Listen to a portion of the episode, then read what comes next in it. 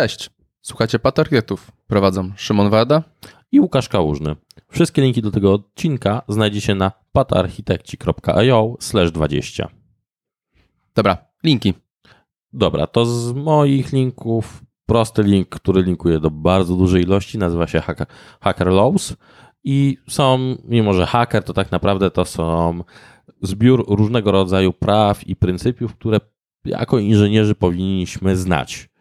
Rzucając od e, samych Unix filozofii, gdzieś yy, różnych rodzajów brzytw, jak się pośmiejemy, czy pryncypiów, yy, które idą za Dilbertem, ale też Pareto, solidami, drejami, kisami, czy częścią z distributed computingu. Więc jest to taka zbiór rzeczy, które powinniśmy tak naprawdę znać. Dokładnie. To teraz ja, na, teraz ja z innym linkiem trochę, trochę nawiązując do odcinka, który mieliśmy poprzednio, czyli do ca e, całego gatewaya. E, Scott Brandy, e, Delegation Patterns for OAuth 2.0. Ciekawe podejście właśnie do tego, jak podejść do tokenów, różne paterny, wzorce zachowań, od najprostszych, typu przekazywanie tokenów do nadpisywania i tak dalej.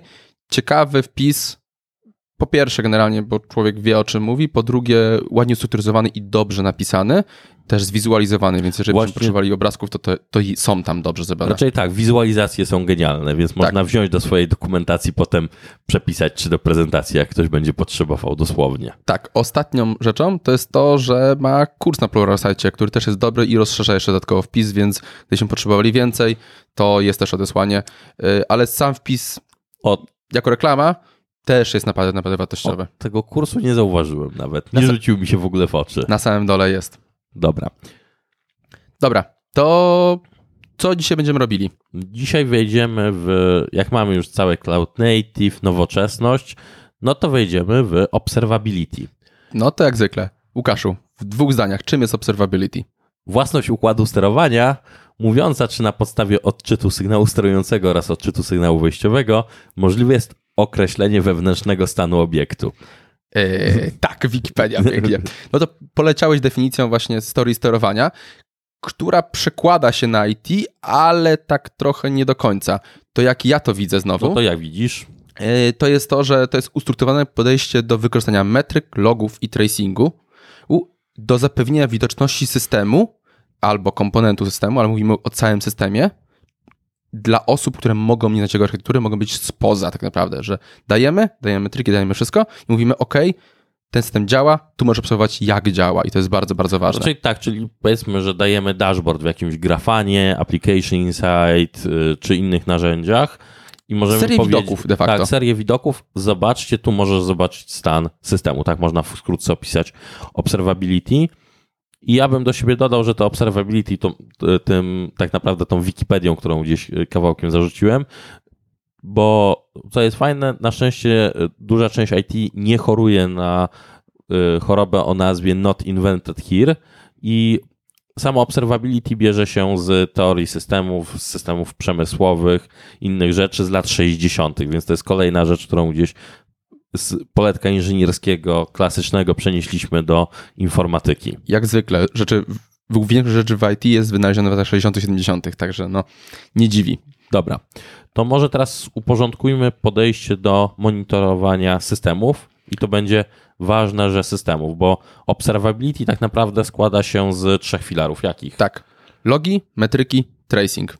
Dobra. I teraz, jak zwykle, chcieliśmy zrobić odcinek od Observability, a będzie to pierwszy z serii i dzisiaj zajmiemy się tylko i wyłącznie logami i podejściem potem do logów Observability. I teraz czekaj, czekaj. Mówisz o logach, zajmiemy się logami, to zdefiniujmy sobie ponownie, żeby wiedzieć, co ty rozumiesz przez logi, bo to jest takie pojęcie trochę prymitywne, ale jakaś definicja by się znaczy, przydała. Prymitywne, pierwotne. Wolę określenie pierwotne. Może być. Y, w naszym podejściu, wiesz co? To będzie zapis zdarzeń wykonywanych, który nam pozwala prześledzić, co się działo y, i analizować w przypadku problemów. Czyli co, jak nie pozwala prześledzić, to już nie są logi? No, w większości pewnie rzeczy byśmy mogli popatrzeć na to, że nie, że nie spełniałyby kryteriów Właśnie. tego, co jest w aplikacjach, ale y, i to tak jak wspomniałeś, czy właśnie te logi mogą być zawsze użyte do diagnozy problemów? Zależy od branży. O tak, na przykład tam, gdzie są branże regulowane, bardzo często te logi są tak szczegółowe, że jak już się wreszcie wykopiemy ze śmietnika, to możemy tam y, dojść. Dobrze, ale to faktycznie tak jest, że jak nas ktoś zmusi i ustrukturyzujemy albo nadamy format, to zaczyna być dobre, ale jak rozmawialiśmy wcześniej, to generalnie ty, ty do- dorzucałeś podział e, logów ze względu na źródło, ze względu na kontekst użycia i produkowania. Jaki są? Wiesz co, to tutaj możemy takie wydzielić chyba cztery podstawowe, z którym zaraz pewnie będziesz się ze mną y, nie zgadzał, ale możemy powiedzieć o aplikacyjnych, systemowych, biznesowych i audytowych. Tak. I za te dwie ostatnie, czyli biznesowe i audytowe, to ja już nie jedną osobę i nie jedną firmę opierniczałem, bo jeżeli coś jest audytem, audyt sugeruje, że jest to wymagane często prawnie, to absolutnie nie jest to plik. Takie rzeczy nie mogą być trzymane w pliku. To samo, jeżeli chodzi o biznesowe. Logowanie, co się wydarzyło na kontekst odtworzenia, to nigdy nie powinien być plik. Wiesz co, powiedz to paru instytucjom, y, z których często my i nasi słuchacze korzystają. Łukasz, nie chcę mówić, dlatego nagrywałem podcast generalnie. Tak. E, dobra. Ale tak w sumie za, za, mieliśmy mówić o observability, czy o czymś, co jest właściwie teraz bardzo mocno trendy i wszyscy, wszyscy się jarają, a wchodzimy w temat logów, czyli temat najnudniejszy, którym nikt się nie chce zajmować i wszyscy spisali go na straty niemalże. Ale wiesz co, jak sobie popatrzymy, to każdy tam chętnie pisze dużo wszystkiego i może czemu? Bo każdy z nas ma okazję widzieć śmietnik, który tam się znajduje w logach, w części, w części w szczególności aplikacyjnych, ciągniętych nawet w monolitach. Czasami podejście potem jest przenoszone e, śmietnika do mikroserwisowych i nowych rozwiązań, bo robimy po prostu copy-paste kawałku e, projektu tego całego bootstrapa, którego mamy. I z reguły też nie pilnujemy tego, jak w trakcie developmentu są logi zapisywane. To jest bardzo duży problem. To jest takie coś, że a, pisz, żeby pisać generalnie. Jak Tak, tak, bo- piszesz, to już jest dobrze. Tak, bo zaraz będziemy wgrywać na środowisko testowe i jest to nam potrzebne. Więc może zdefiniujmy sobie powody, dla których tam jest śmietnik. Tak. Pierwszy, bardzo częsty, to jest mieszanie typów logów. E, Przykład? Przykład bardzo prosty. To często pewno widzimy, to jest to, że mamy, mamy plik, załóżmy, upraszczamy, że ten, lo, ten log jest plikiem i mamy nagle wpisy takie ludzkie typu coś się nie wydarzyło, wartość się nie zgadza, tak dalej, tak dalej, a na przykład co chwilę mamy na przykład taki wielki exception wrzucony, na przykład, że klucz nie został znaleziony w słowniku, który nam w sumie nic nie mówi generalnie, tylko jest wielkim wypisem. I to strasznie zaśmieca czytelność tych logów. Dobra, to powiedz, jak mógłbyś na przykład przy tych wyjątkach, kawałków wyjątkach to rozwiązać. To jest coś, co ja zawsze, zawsze pilę de deweloperów zespoły, to jest to, że jeżeli zapisujemy exception do logów, to dajemy też kontekst tego exceptiona. Czemu wystąpił, jaki był powód, gdzie był użyty i ludzkie wytłumaczenie, czyli każdy log musi mieć zapis ludzki, który tłumaczy, co się właściwie stało. Samo wpisanie exceptiona, klucz, klucz nie znaleziony, nic nie mówi nam przy, potem przy diagnozie na, błędu na produkcji. No, przy niektórych teoriach tak naprawdę w systemie nie powinny być tej części biznesowej wyjątki. Zgadza się jak najbardziej, ale też omijanie wyjątków z logów też jest złą praktyką.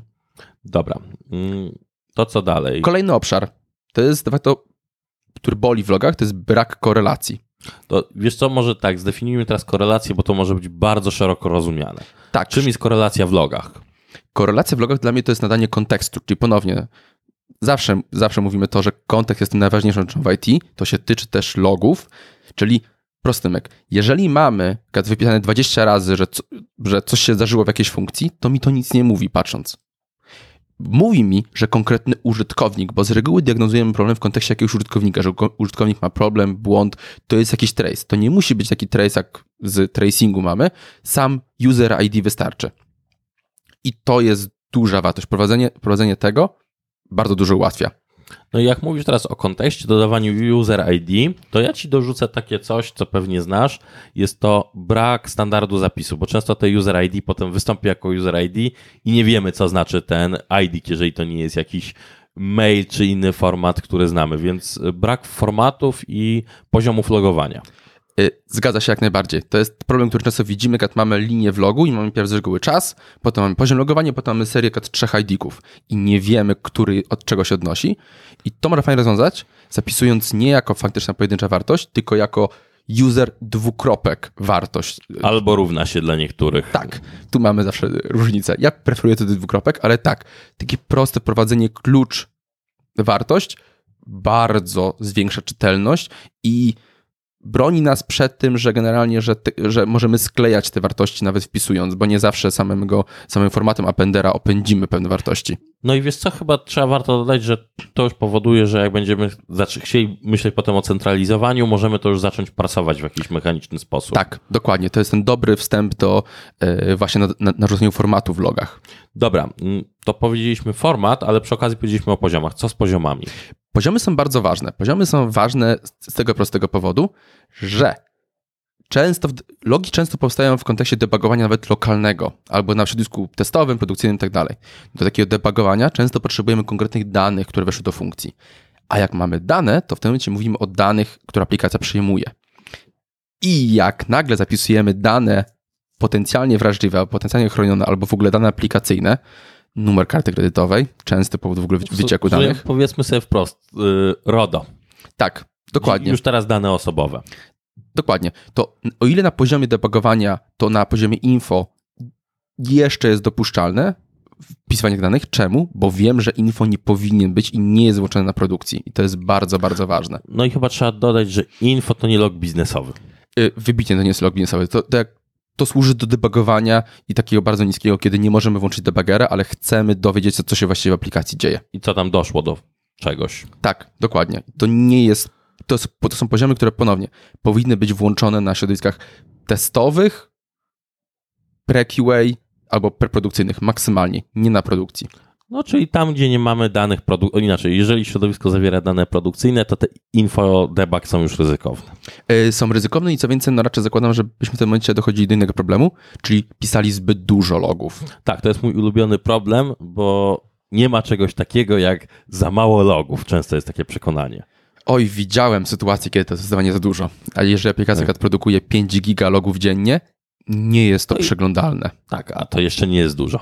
To nie, to nie jest dużo. Przy systemach generalnie, które operowałyby na kilkudziesięciu, kilkunastu serwerach, to spokojnie takie wartości można przebić. Dobra, czyli mówimy, że produkujemy masę logów. Chyba na monolitach jest najczęstszym problem. Yy, monolity często potrafią chyba najwięcej wygenerować tych logów, tak jak patrzyłem. Tak, bo z reguły ilość wpisów do logów rośnie razem z czasem używania aplikacji i te logi, wszyscy do logów chętnie piszą, mało kto z nich chętnie czyta prawie nikt ich nie usuwa, bo lepiej mieć i z reguły te właśnie logi rosną razem z problemami, które były na produkcji. No i można powiedzieć, że te sprzątanie, o którym teraz wspomnieliśmy, tych innych problemach, tak naprawdę mogą te pisanie zbyt dużo zacząć rozwiązywać i podzieleniem tych typów.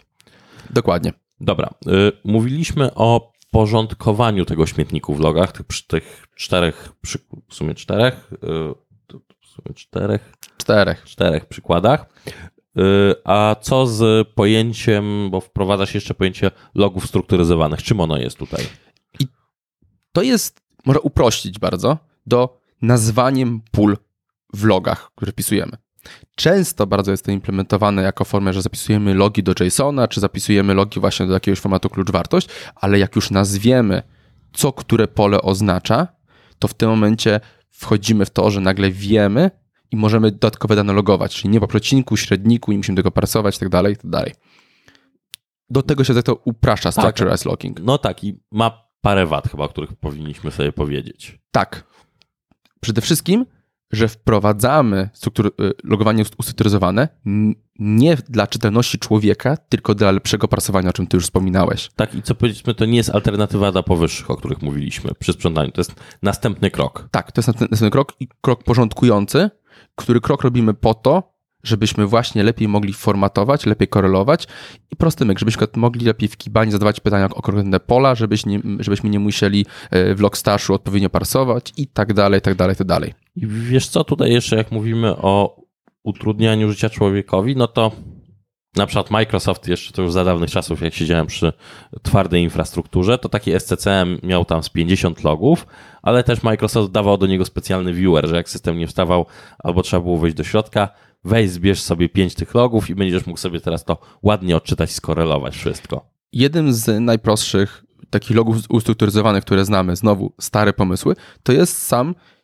event log z Windowsa. To jest coś, co ma 30 lat już? 20? Coś w tym przedziale. No nie, EWT jest trochę młodsze, bo ono się zmieniło na przestrzeni czasu. Y, w 2008 wiście znamy to, co znamy teraz tak dobrze.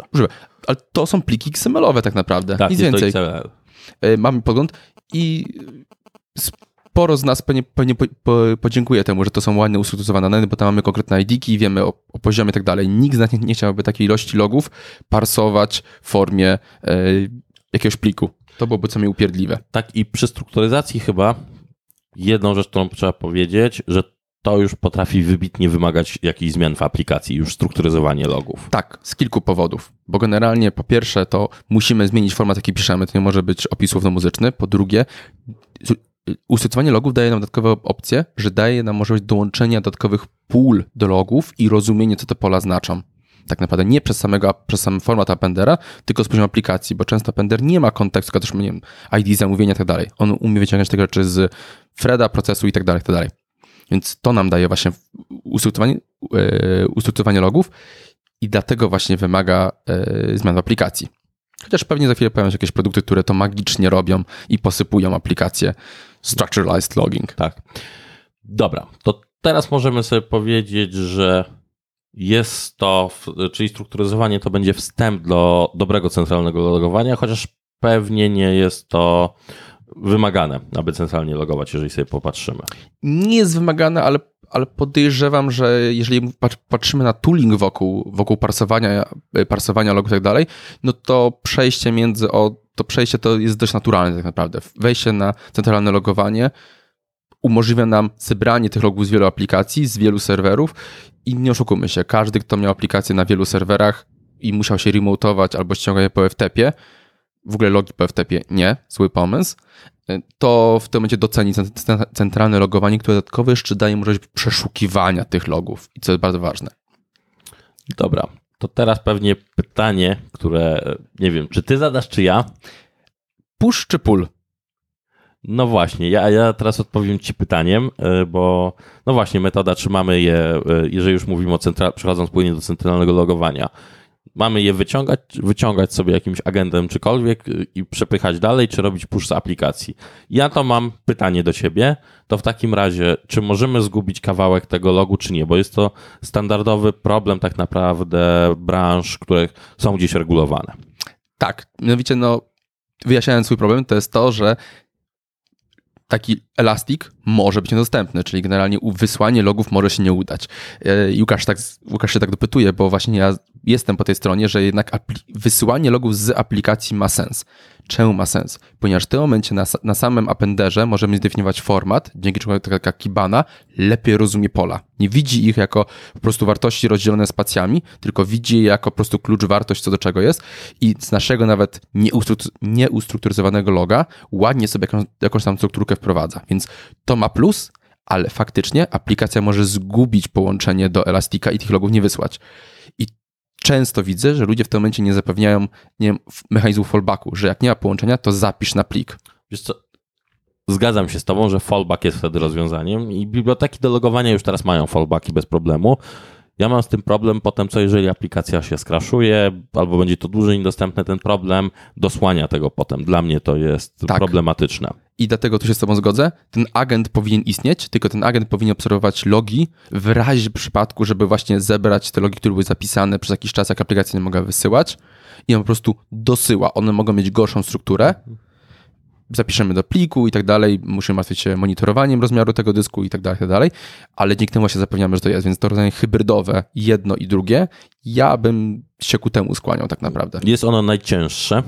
Musimy tak. sobie powiedzieć, że będzie najcięższym rozwiązaniem do konfiguracji utrzymania, bo mam dwa elementy, które muszą te dane wypchnąć w te samo miejsce. Tak, ale znowu często będzie tak, że nasze systemy nie będą wspierały wysyłania z poziomu aplikacji do naszego centralized logging, więc i tak z jakimś appenderem będziemy żyli. Co więcej, często taki agent istniejący umie też zbierać statystyki z maszyny, czyli CPU i tak dalej, tak więc często jako tako i tak jest wysyłane. Wiesz, ja teraz popatrzę ten, na całe Clyde Native, które się troszeczkę y, onanizujemy tak. i tam jest podejście tego całego wzorca sidecarów bądź globalnych umieszczonych i tutaj e, idea tego przy tym, że używamy sobie tego zewnętrznego agenta, zewnętrznego narzędzia dla mnie jest super, bo mogę go tak naprawdę w pewnym momencie w ogóle wymienić albo zmienić jego logikę. Tak, to w tym momencie w ogóle będziemy wchodzimy, już zahaczamy tak trochę o tak naprawdę o mesza, który w ogóle masę tych problemów rozwiązuje i w tym się w ogóle tym nie martwimy tak naprawdę. Zgadza się z zupełnością. Tak, ale podsumowując push czy pull, to dla mnie problem kury czy jajka.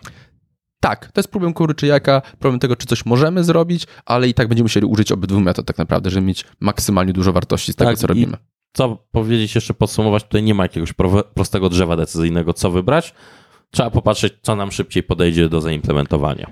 Albo co wspiera nasz e, centralized login, który wybierzemy, bo nie, niektóre systemy typu Application Insights wspierają jedno i drugie tak naprawdę i to po prostu ogarniają nam natywnie i się tym w ogóle nie przejmujemy. Ale jak wchodzimy jeszcze, a propos, a, a propos logów i tak dalej, to dochodzimy do wrażliwego tematu. Alerting na logach. Wiesz co? Dobra, to ja tak podsumuję. W... Pierw powiem nie, nie, nie.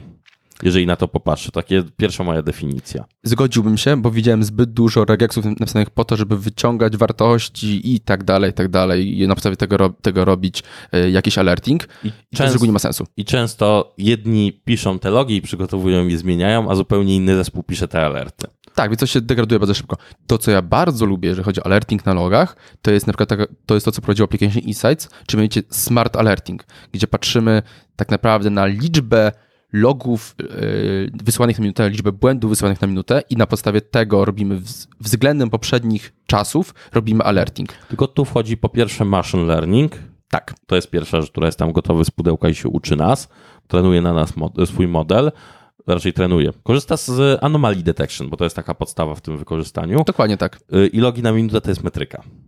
I tak, z logów na minutę, z logów zrobiliśmy de facto metrykę. Zgadza się w zupełności. Bez dwóch zdań, tak. Dobra, to teraz sobie przejdźmy, bo tak logi, logi, logi, czasami observability. No to powiedzieliśmy, że logi są tym pierwszym filarem w observability. Tak. I po co nam logi w observability? tu doszczegół, doszczegółowienie. Jeżeli mówimy o observability, to, to mówimy o log aggregation, czyli centralized logging, czyli że, te, że zbieramy te logi w jednym miejscu i to nagle staje się ważne, bo nie oszukujmy się, wprowadzanie tego observability dla monolitu ma wartość, ale nie aż tak dużą, jak mówimy przy systemach rozproszonych. Dobra.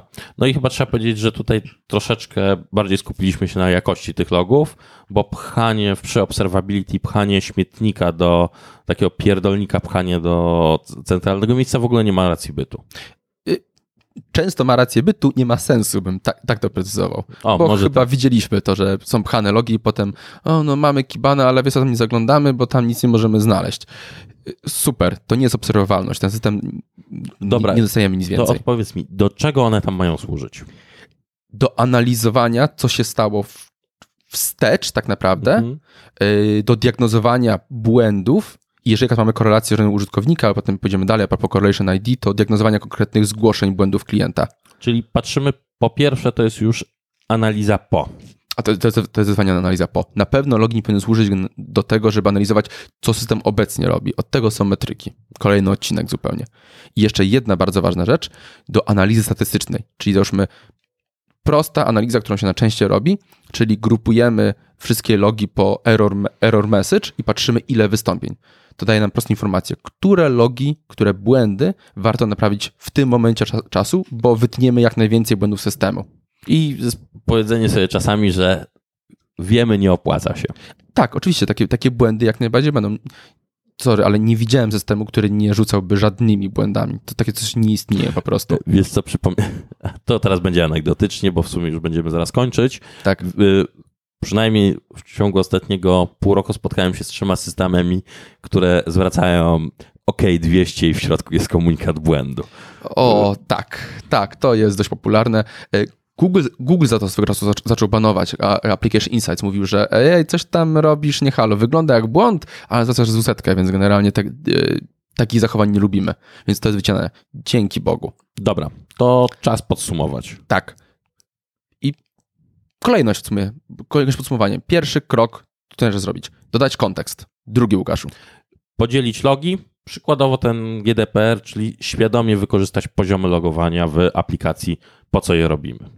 Dalej scentralizować, Czyli jednak mieć jedno miejsce, gdzie zawsze patrzymy, nie musimy się remotować i tak dalej, tak dalej. To jest upierdliwe, nikt tego nie chce robić. Tak, i co ważne, już do centralizacji ten sam kontekst wystarczy, kiedy mamy klucz wartość na początku do parsowania, żeby to zaindeksować, a nie całą wiadomość. Tak, dokładnie.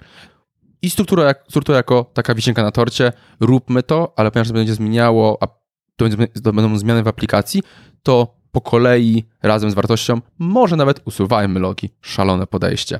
Tak. Y, I usuwajmy albo je potem w przyszłości archiwizujmy, bo są gdzieś przypadki. Niestety trzeba y, zgiezipować je bardzo mocno, wrzucić gdzieś na taśmę albo w czeluści jakiejś Albo archiwizacji. Tak, właśnie archiwizacji jakiejś, chociaż przy nowych wytycznych KNF-u. Taka uwaga. y, Archiwizacja i szyfrowanie logów nie zmieni ich klasyf- y, klasyfikacji danych. To jest taka jedna, taki jeden niuans, który teraz zaczyna się pojawiać w naszych regulacjach, na przykład w branży finansowej. Ale dobra. y, I na koniec ode mnie, jeżeli jesteś w stanie, to centralizację zrób razem ze strukturyzacją.